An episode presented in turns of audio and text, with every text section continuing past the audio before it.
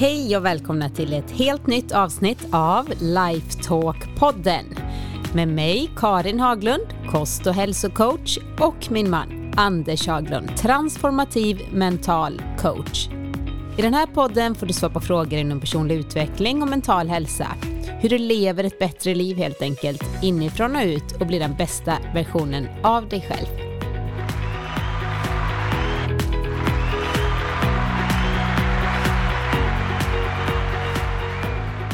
Hej Anders! Hej Karin!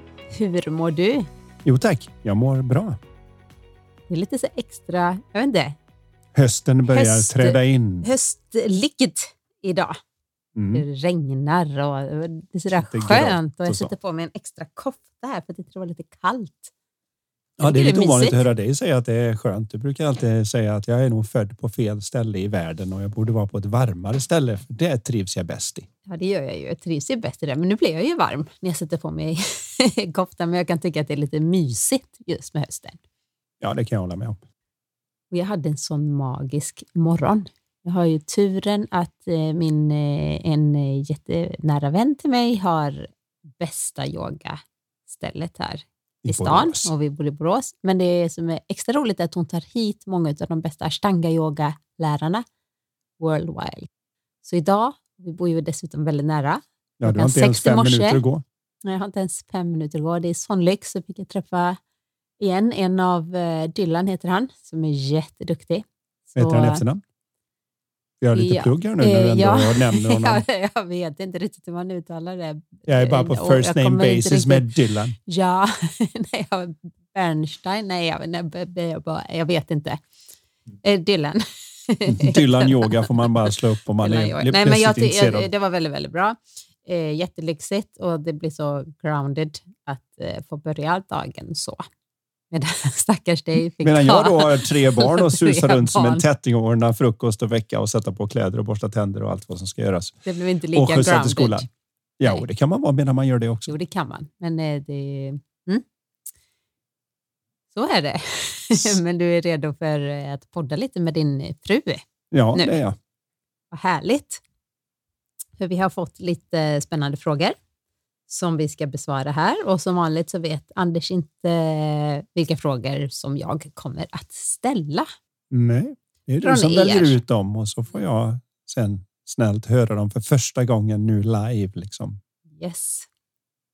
Så ja, men vi dig in, tänkte jag säga här i första frågan. Hej Anders och Karin! Tack för er podd. Jag älskar att lyssna på er podd.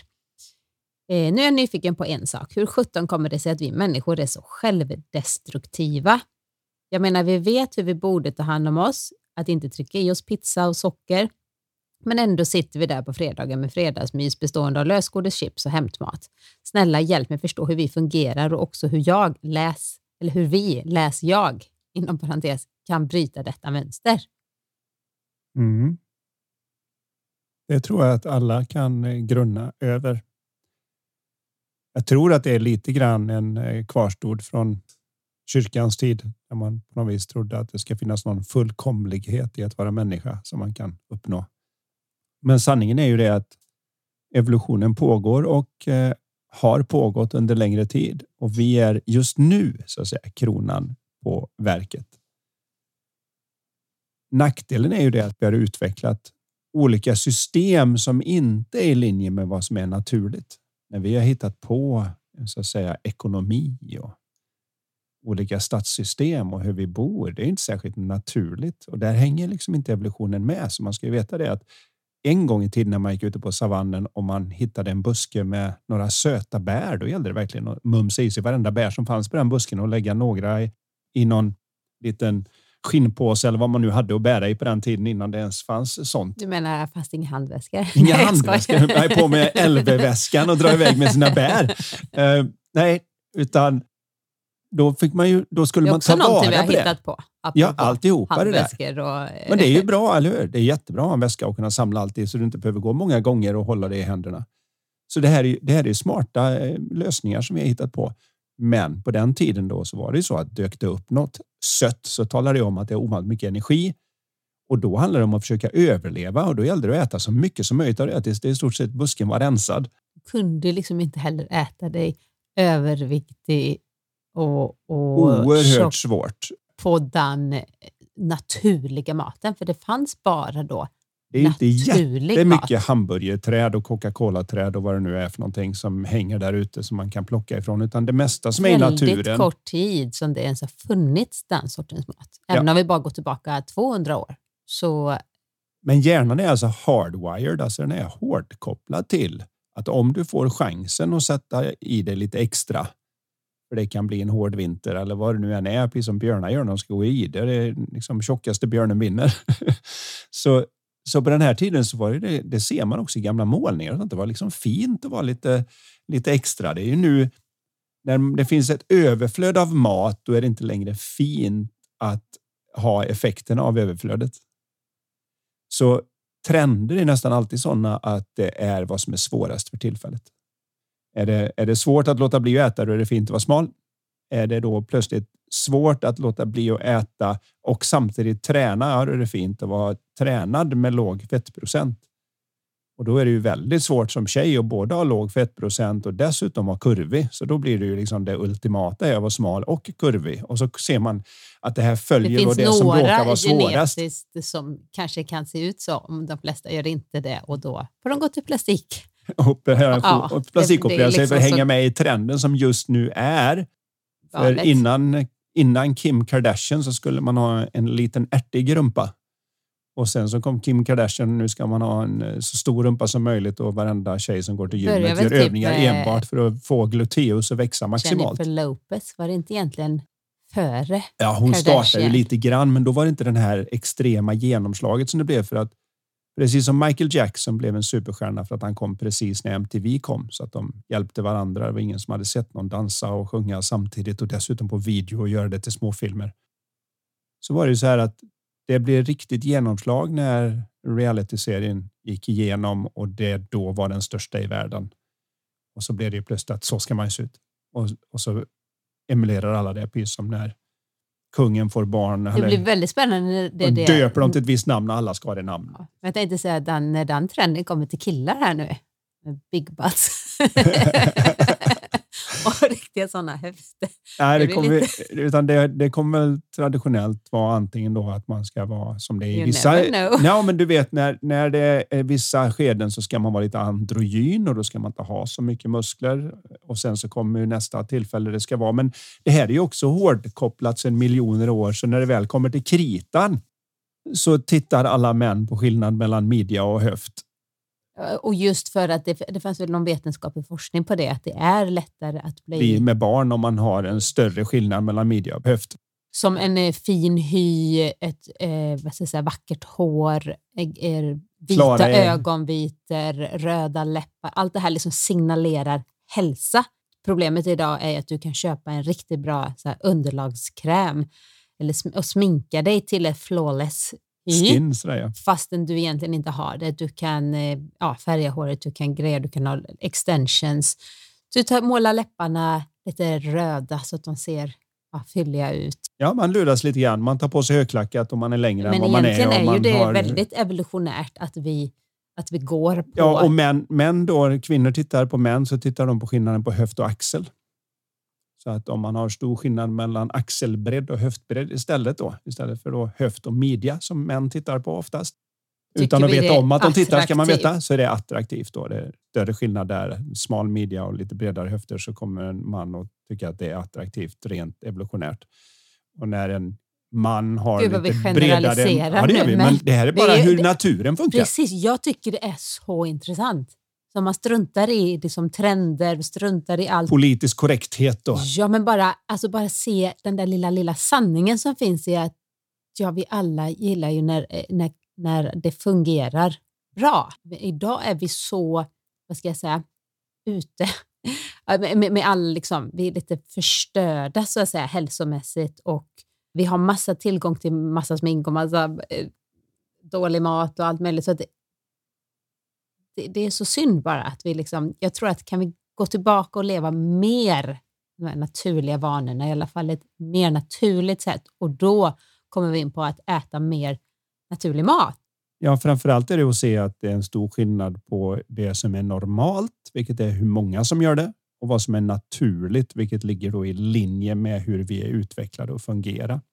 Så om vi går tillbaka till hennes fråga här nu då, så var det egentligen bara en lång harang som fick lite, gick lite sidledes mm. om att vi är gjorda för att tycka att sött är bra. Så att det, det är inte så konstigt eftersom det är ett sätt för tungan att veta om att det är energitätt. Och energitätt är alltid bra när det är dåligt med föda, vilket det har varit historiskt genom årmiljonerna. Det är bara nu på slutet egentligen som det är ett större problem med övervikt än svält. Vi är liksom samtidigt undernärda. Vi är övergödda, brukar jag säga, men mm. undernärda. Väldigt vanligt. Tomma kalorier. De, flesta kan ju förstå att om du lägger upp en tallrik med godis, hamburgare, pommes frites och cola och så får du ihop. Du lägger det så att det blir 2000 kalorier. Vi säger.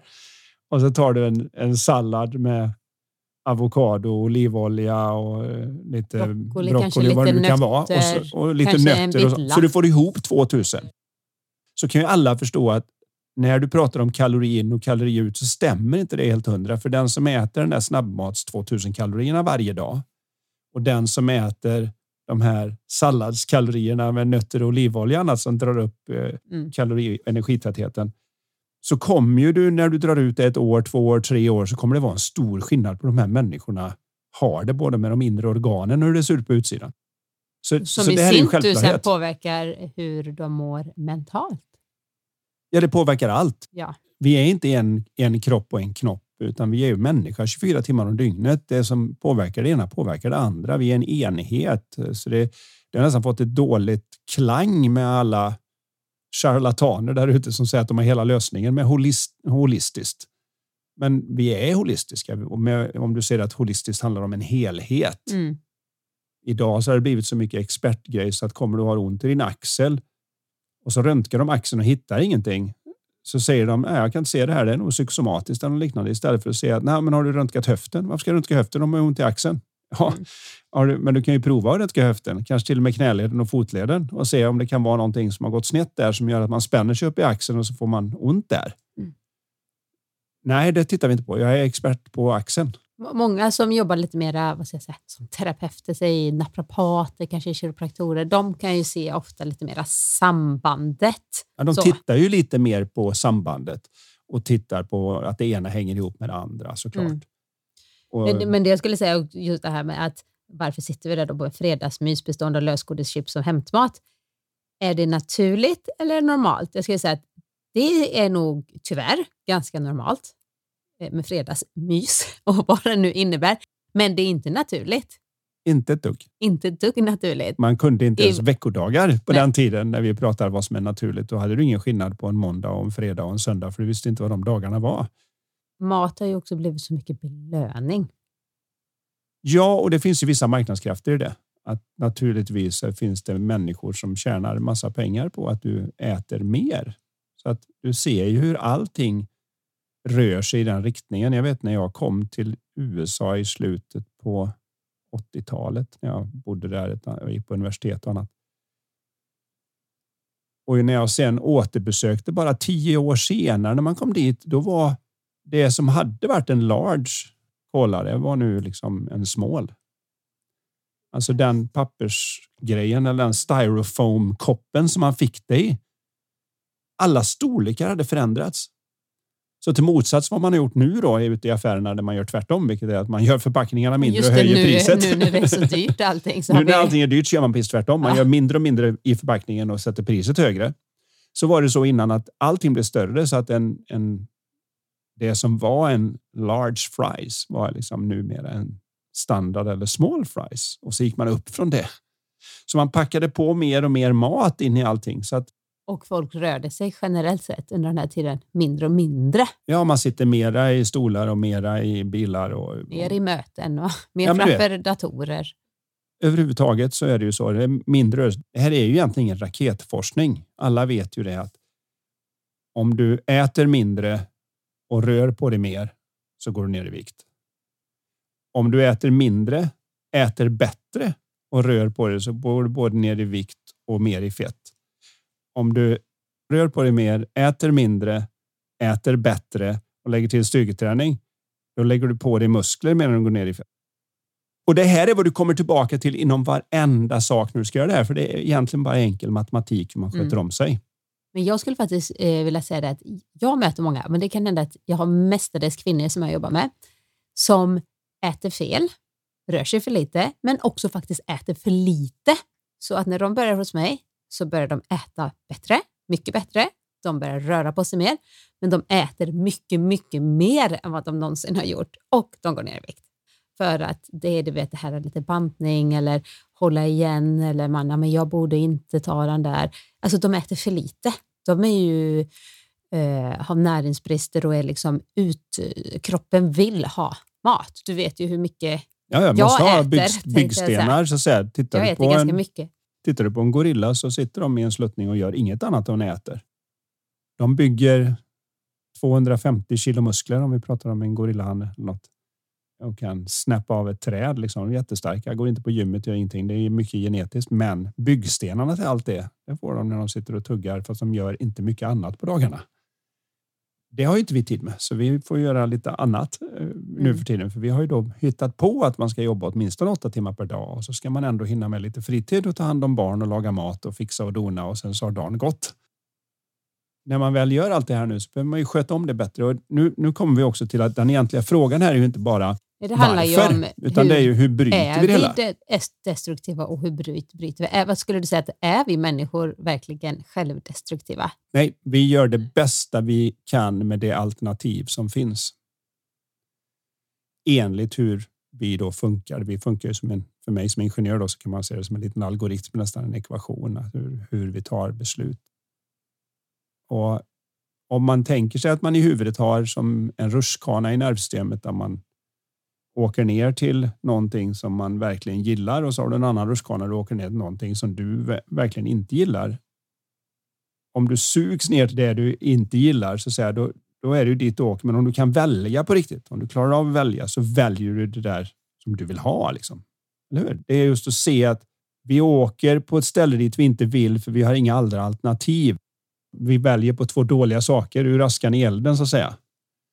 Vad vi behöver göra då är att göra det, som vi har pratat om i tidigare avsnitt, det är att vi helt enkelt gör det enklare att lyckas. Den första är ju då att på fredagen så köper vi inte hem det utan fredagsmyset kanske består av helt andra saker där man gör en fruktskål och fruktsallad allihopa eller ställer mm. fram kex som är gjorda med vettiga ingredienser eller vad det nu kan vara. Du gör ju egna jag olika frökex och allt vad det är. Men det finns ju också alternativ att köpa Absolut. som har vettiga ingredienser. Det finns jättemycket. Det kan man kolla lite på min blogg. Jag har skrivit om det här, alltså just med fredagsmys, vad det kan vara istället.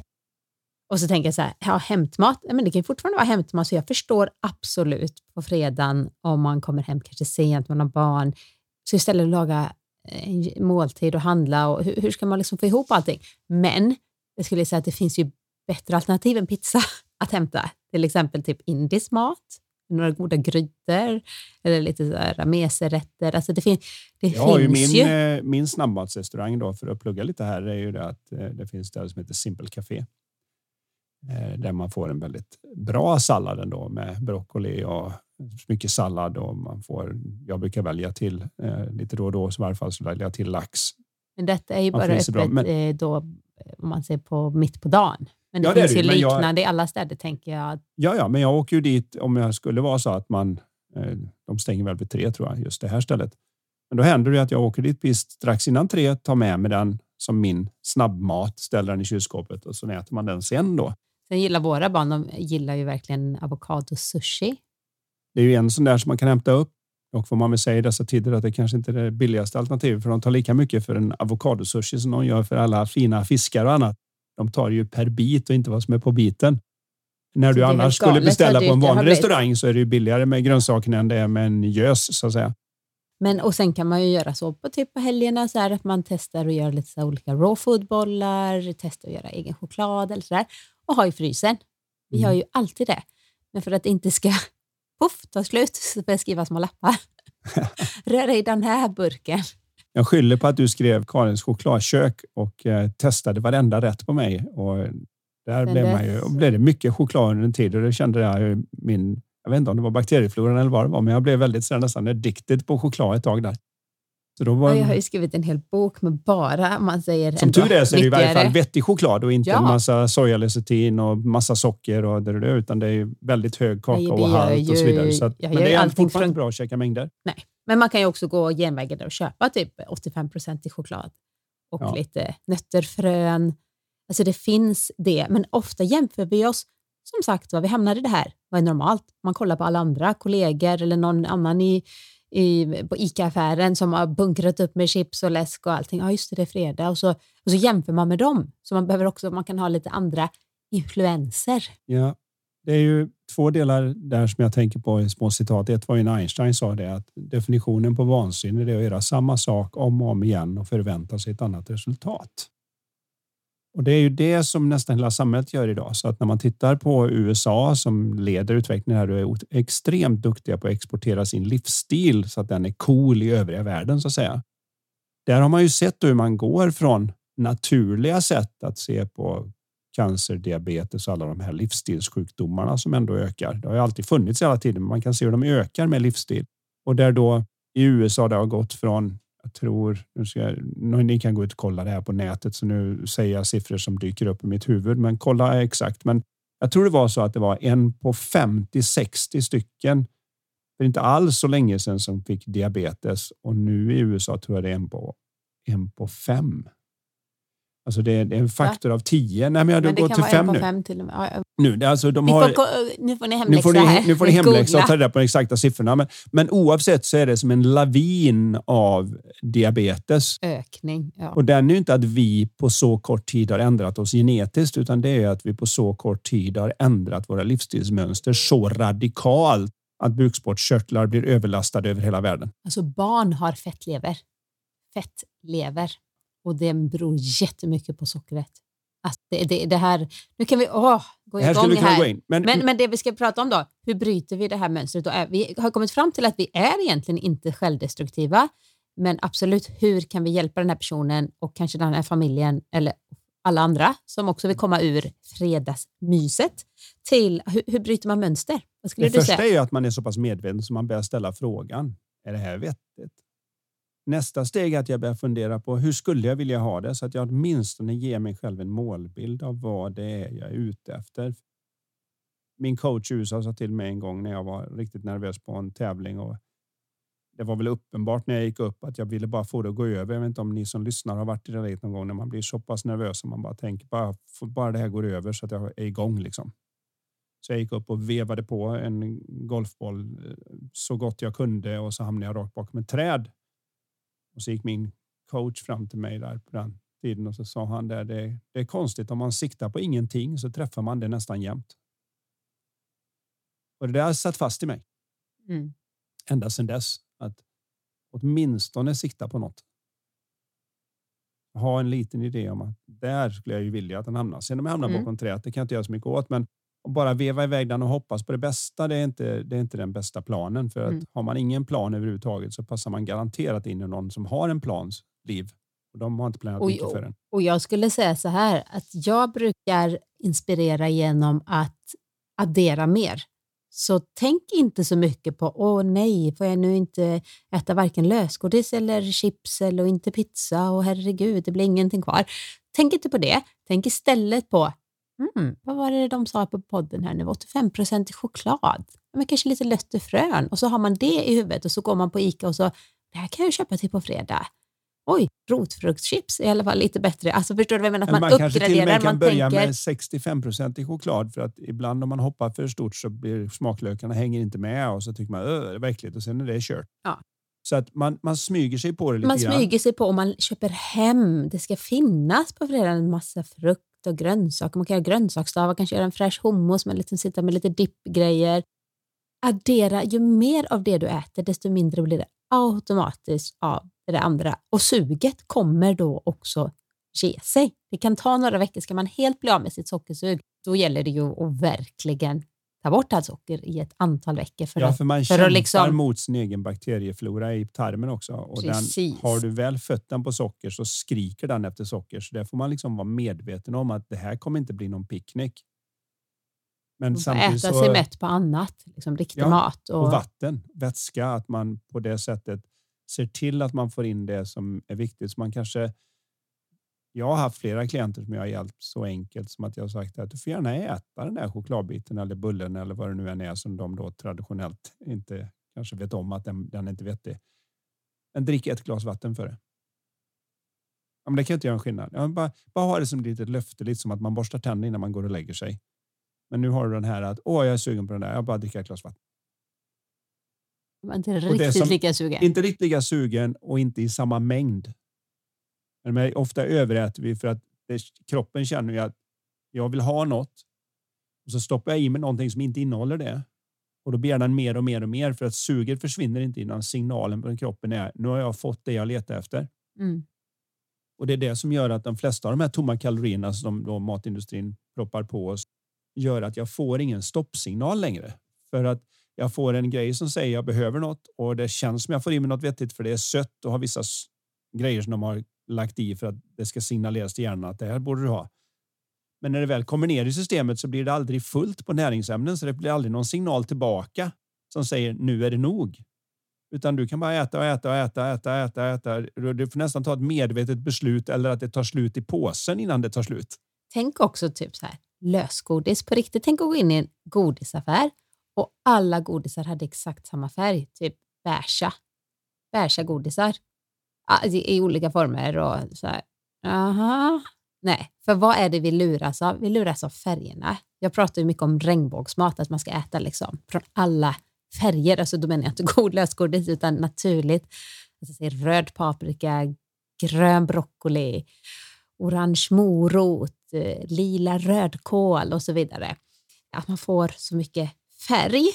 Så bara liksom ha det som lite tankeexperiment med det här godiset. Men bara låtsas att det är helt brunt eller beige eller samma färg. Det är bara, det är bara tillsatser, det är bara färgämnen. Helt som katastrof för din kropp. Plugga det är in bra. i det faktum att ju färgstarkare något är, ju mer näringsämnen och flavonoider och andra såna här ämnen som är bra för oss finns i det.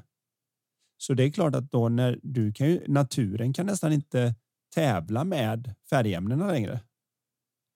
Så att de flesta tycker inte att ett blåbär är jättesött utan de tycker att ett blåbär är lite surt.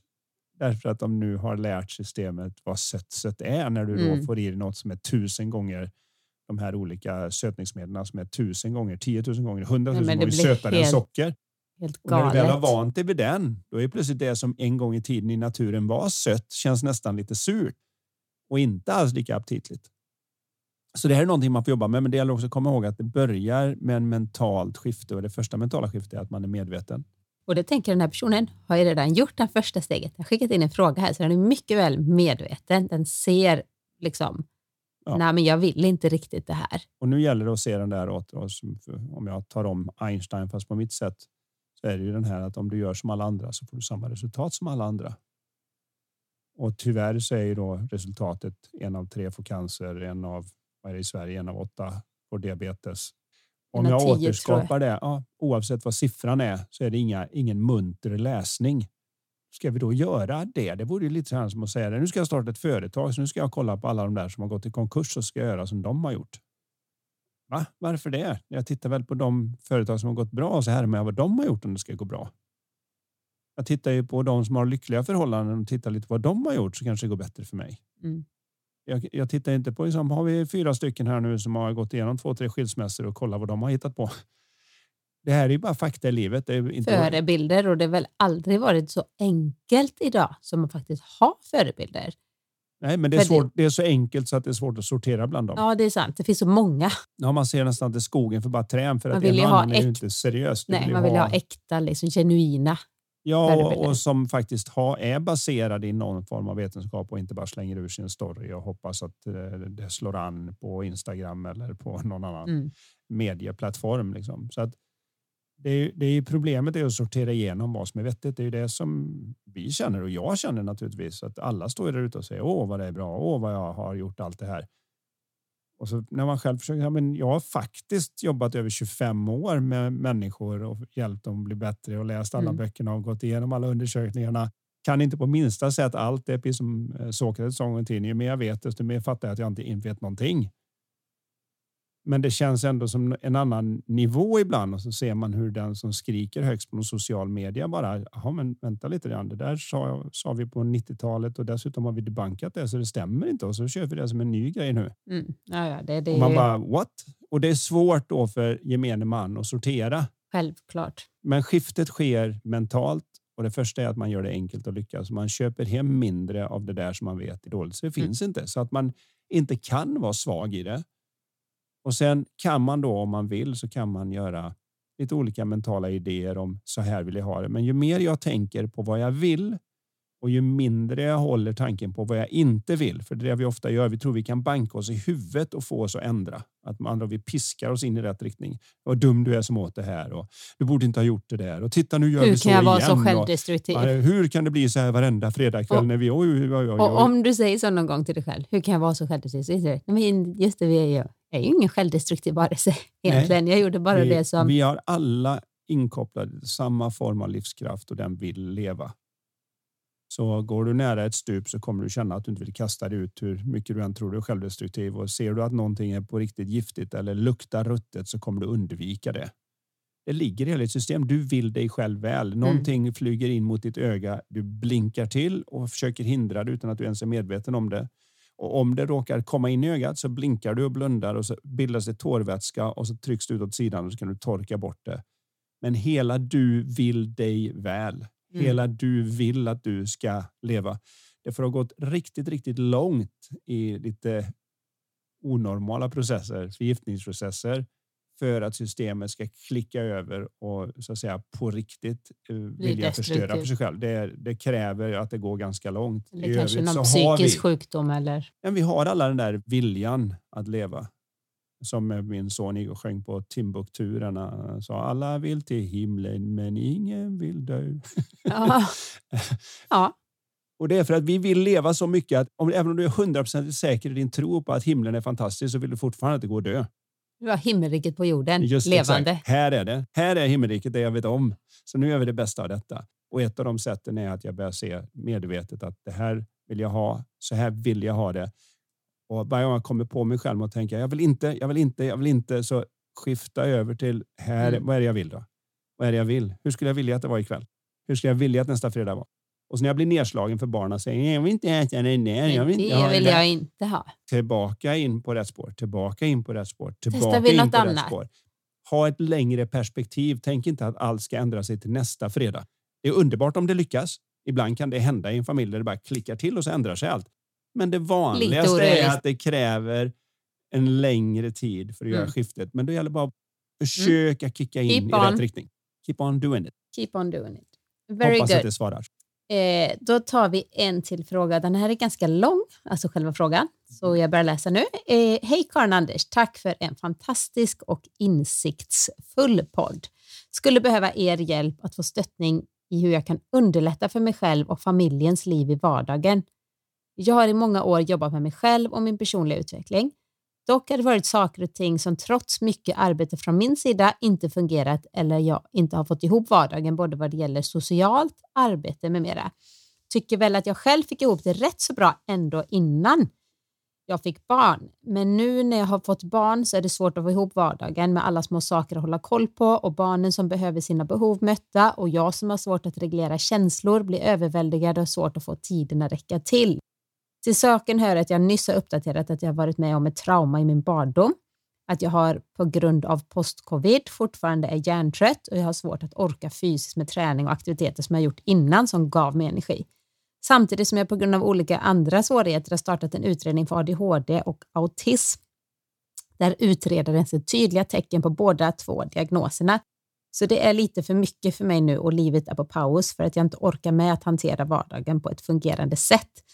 Så man kan säga att livet är allt annat än lätt. Snälla hjälp mig med er klokskap att hitta lösningar för mer energi, utveckling och motivation för mig. Hur ska jag agera för att kunna ta hand om mina barn, vända min situation till en fungerande vardag där jag just nu känner mig som ett stort misslyckande och min hjärna och kropp inte är med i matchen? Vad kan du slutligen ge för tankar, verktyg och inspiration kring ADHD, autism, kring vuxna för att fungera bättre i vardagen och leva ett enklare liv?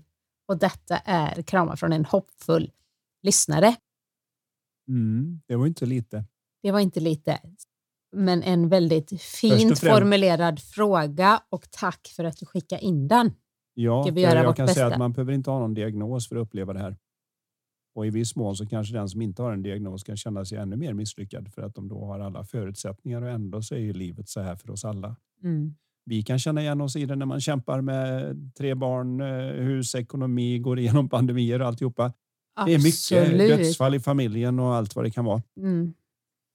Men det här låter ju ändå onekligen såklart tufft, Väldigt tufft. att ha Jag försöker bara säga att jag tror att alla kan relatera till Ja, frågan relati- på olika nivåer. Absolut, på olika nivåer. Det tror jag definitivt. Så det är en väldigt bra Bra fråga. fråga. Mm.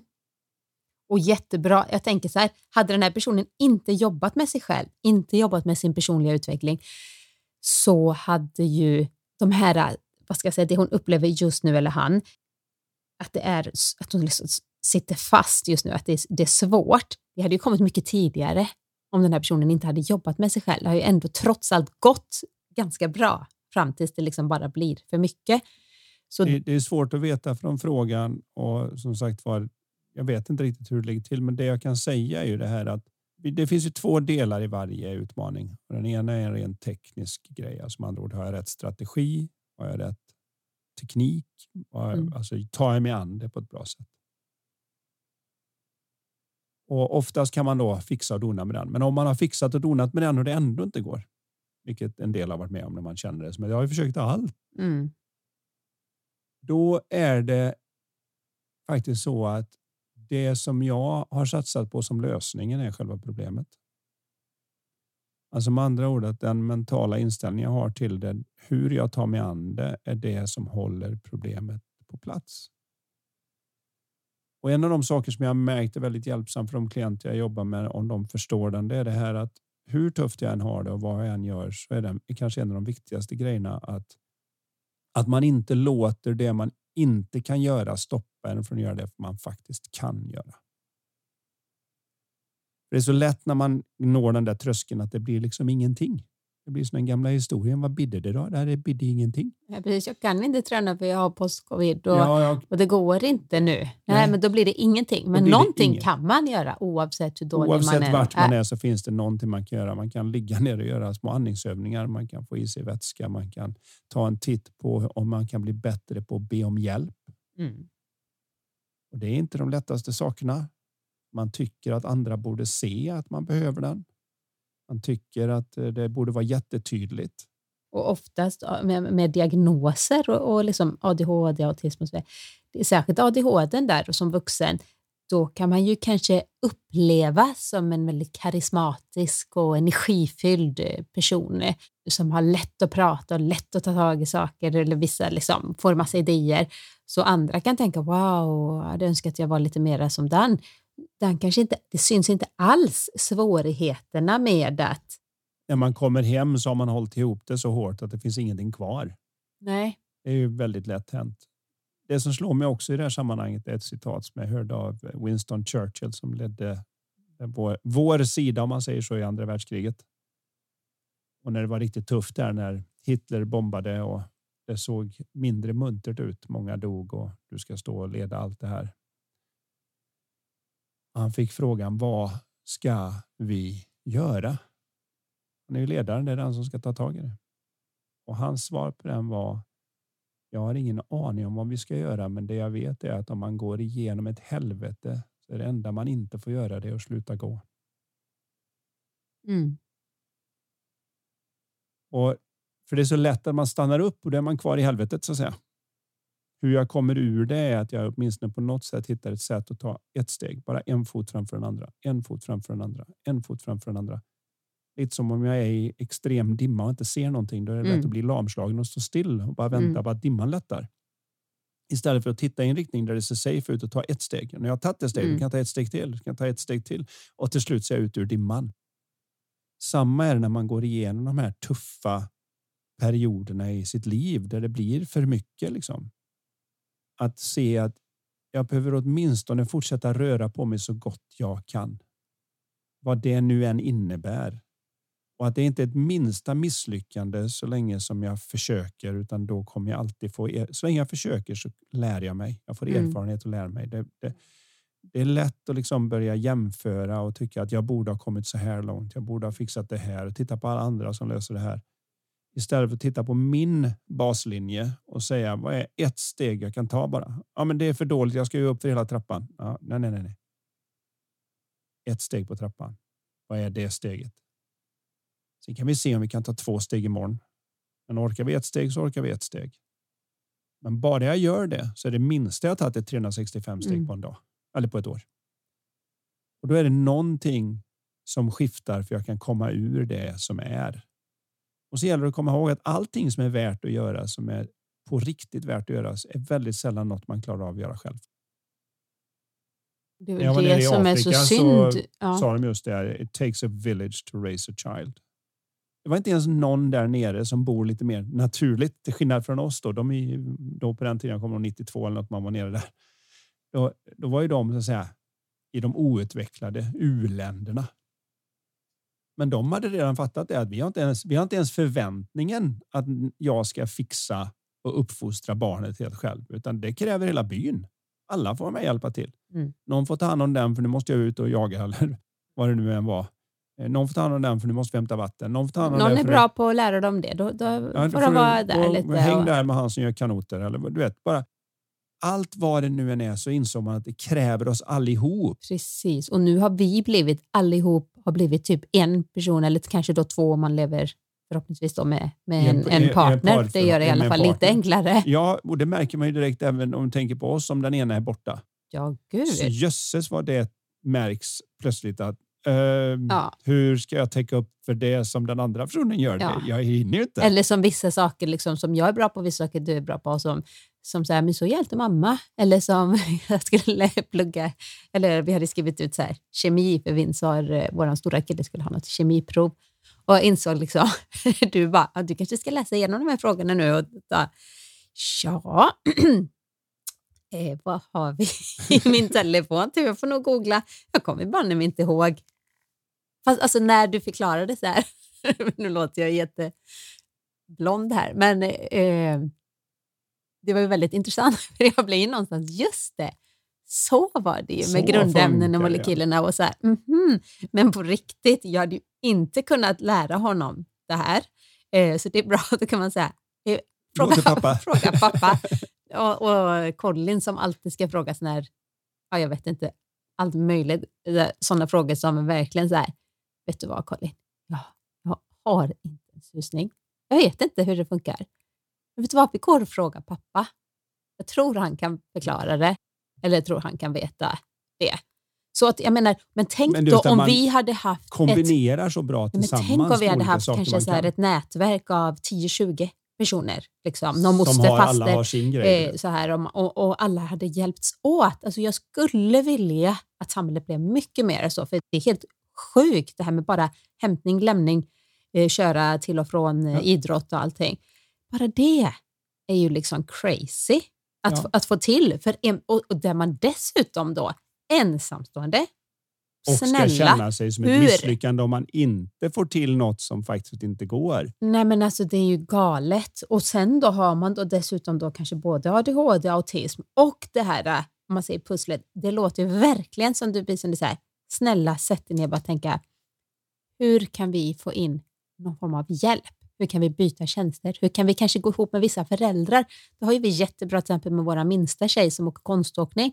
Då är det ofta, har en kompis och deras ja, föräldrar. Och då hämtar de från skolan och, och sen så åker de, de till ishallen. Så behöver vi bara dyka upp på ishallen, inte liksom hem, mellanmål, hela den grejen. Och så tar jag deras dotter till hem och äter lite mellanmål och går till cheerleading som ligger precis jämte där vi bor. För de går på både cheerleading och konståkning.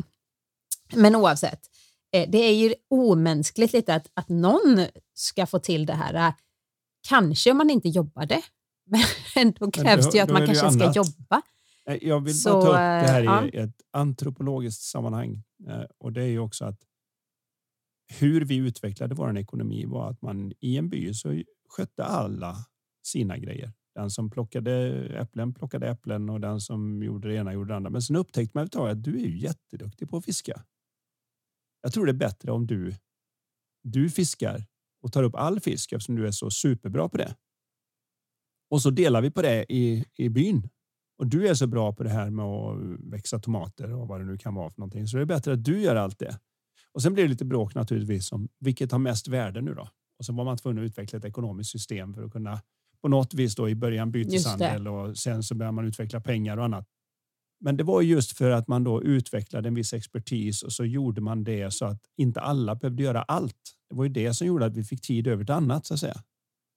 Nu har så att säga den idén gått så långt att vi är tillbaka in i att man ska sköta om allt mm. när det gäller framför allt då att ta hand om familjen och det här istället för att se att det var inte hur vi, det var tänkt, utan det var ju Nej. att jag skulle ju vara, min expertis skulle ju vara till gagn för hela gruppen och inte bara för mig. Mm. Det var, jag ingår i en enhet och nu sitter vi där och pratar inte med grannen och tar inte hjälp och det här för att vi behöver på något vis hitta det. Och för oss då som dessutom vet lite extra om det här med de här ADHD-diagnoserna och annat den största biten för mig var ju bara att få se det här att det verkligen är som att be en lam person att ställa sig upp ur sin rullstol. Att vissa saker ja, men det är, är en, någonting som inte funkar. För innan dess hade jag ju också lite den där att man då uppfostrar lite bättre. Sätt mm. lite hårdare gränser, tala om vad som gäller. Så händer det? Och så märker man, nej, det var inte rätt väg. Nej. Och det här är ju samma sak som vuxen, att man behöver då hitta det. Det finns en superkraft i det. Men det finns också en baksida av det, precis mm. som allt annat. Men det är också faktiskt, om man säger så här, jag tycker det är otroligt intressant att både ADHD och autism är något naturligt. Alltså det är inget nytt. Sen att det har blivit, jag tror att att ha den säga, genetiska Mångfalden. Ja, mångfald. Alltså att, att vi är lite olika. För det är bara, det är inte så att antingen nej, du har absolut inte ADHD eller ja, du har solklart ADHD. Det är ett spektra. Det är ja. liksom en skala. Det är inte etta, nolla. Nej. Men så att vi alla befinner oss någonstans på skalan, kanske är väldigt långt bort från det eller väldigt nära eller väldigt tydligt så. Den, ja. Så det ska man komma ihåg, det är inte så här ja, nej. Det är inte som att ja, du har en hjärtinfarkt eller nej, du har inte en hjärtinfarkt, utan det, det är liksom ett spektra. Men det är ju något som har funnits och har varit till våran fördel, annars hade det evolutionärt försvunnit. Ja, så är det. Eh. Det trängs ut över tid det som inte är användbart. Så man ska inte titta så mycket på vad som är fel och Nej. vad som är rätt, utan mera på vad som är användbart och bidrar med värde och vad som är oanvändbart och inte bidrar med värde på samma sätt. Och det som blir svårt är 2023 med de här eh, vad ska jag säga då, diagnoserna eller sättet att, att hjärnan fungerar är att det inte riktigt skapat för det här. Eh, alltså det blir extra påtagligt idag ja, du passar ju in i ett system idag som vi har satt ganska hårt på hur man sköter sig, hur man bidrar med värde, hur man får ihop pengar, hur man klarar sig. Och går du utanför Vilka den mallen. Vilka tider du måste passa hit och dit och ja, tänka som alla andra, bete sig som alla andra.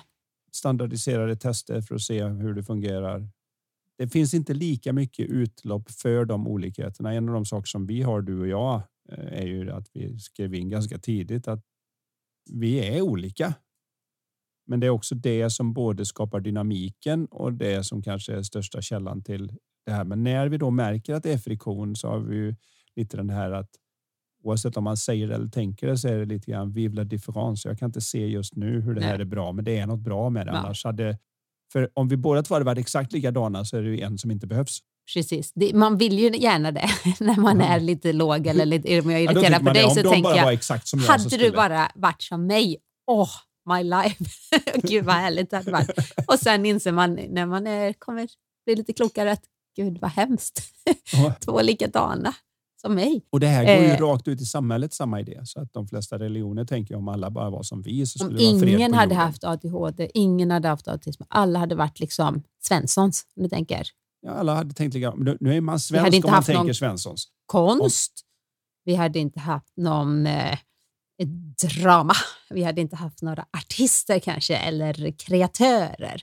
Det hade varit lite mellanmjölk över mm. samhället. Det hade inte gått lika bra framåt. Det, I den här spänningen som ligger där finns det mycket. Men när man står mitt i säga, mindre användbara biten av det, mm. uttrycker det lite diplomatiskt, så gäller det att veta att ja, det är tufft. Men jag behöver då också kanske hjälp med någon som har de styrkor jag inte har. Som till exempel någon som är duktig på att planera och time management så att det styr upp det hela. Man mm. behöver ha. Finns inte det i familjen, då får man om man kan ta hjälp utifrån.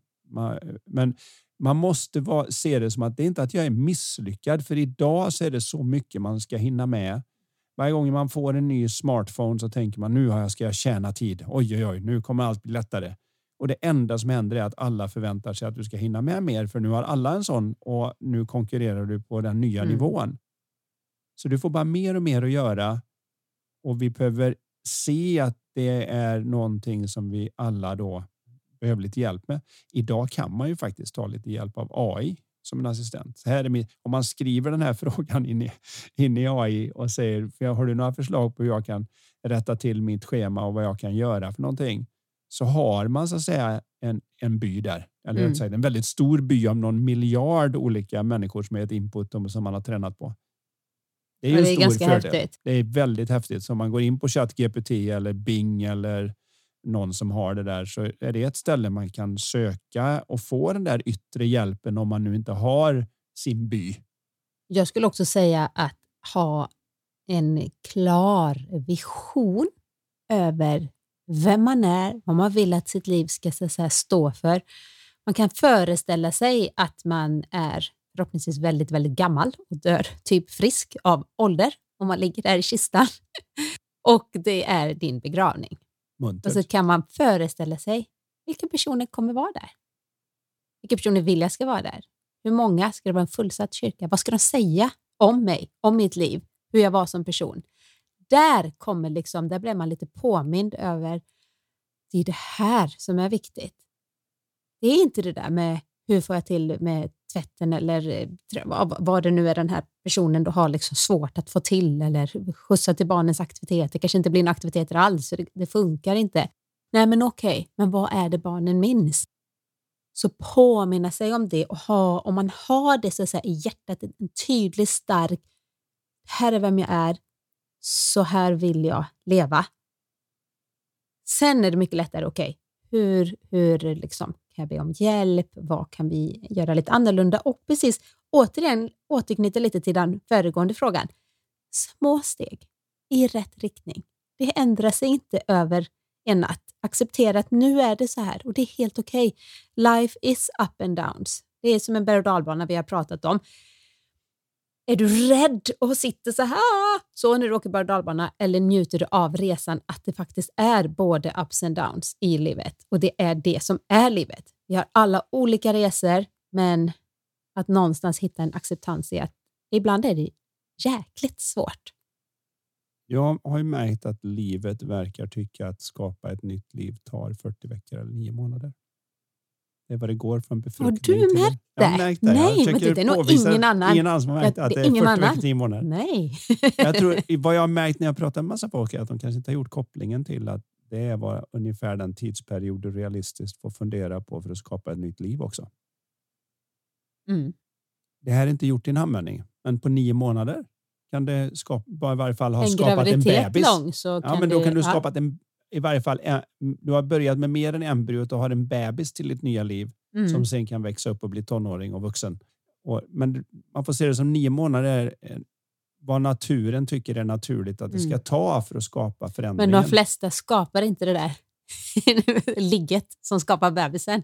Alltså metaforiskt. Ja, jag fattar. Du, du, du behöver den där tändningen. Du behöver den där. Någonting händer. Lyssna på det här kanske och känner att yes, nu skapar ja. jag den här bebisen. Man måste ju förstå att om inte jag händer så händer ingenting. Om inte jag säger hej så får vi ingen chans att träffas. Och samma när vi, man, varje gång man pratar med sina föräldrar om hur man, de träffades så inser man hur nära det var att man inte fanns.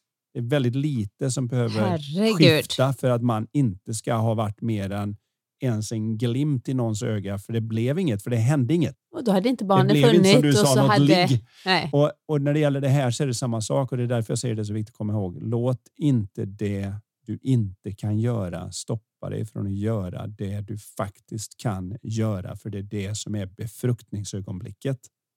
Och därifrån kan du skapa mirakel när du väl börjar göra den och då börjar det växa och då blir det två celler, fyra celler, åtta celler, 1632 och sen rullar det ner och fäster vid, vid väggen och sen så kan man då nio månader senare så ser ett nytt liv dagens ljus. Mm. Och det här kan hända i allas liv om man bara ser att jag behöver hända för att något ska hända. Jag behöver ändra mig för att något ska ändra sig. Mitt tänk behöver nå en ny förståelse och det är Mm. då det händer någonting nytt. Vad fin sammanfattning på det här äh, poddavsnittet. Hoppas att eh, det har hjälpt både ni som har skickat in frågorna och alla ni andra som har lyssnat på det här. Som vanligt så avslutar jag med att dra en fråga från vårt spel som heter Lifetalk. I detta är det från Lifetalk 1. Eller alltså det. Ja, jag har två spel. Eh, och det står så här. Vad anser du är den största skillnaden mellan kärlek och förälskelse? Det kan man grunna lite på. Ja, det kan man verkligen. Och eh, det har ni chans att göra i ett par veckor nu tills nästa avsnitt av Lifetalk-podden dyker upp. Men tills Ja. dess så säger vi tack för den här gången. Tack för idag. Och, eh, det Sprid gärna vidare Ja, det tackar att, vi för såklart. att fler ska lyssna på oss. Ja, vi vill ju nå Vi ut så många älskar det vi kan. här. Ja. Ha det bra. Ha det Hej!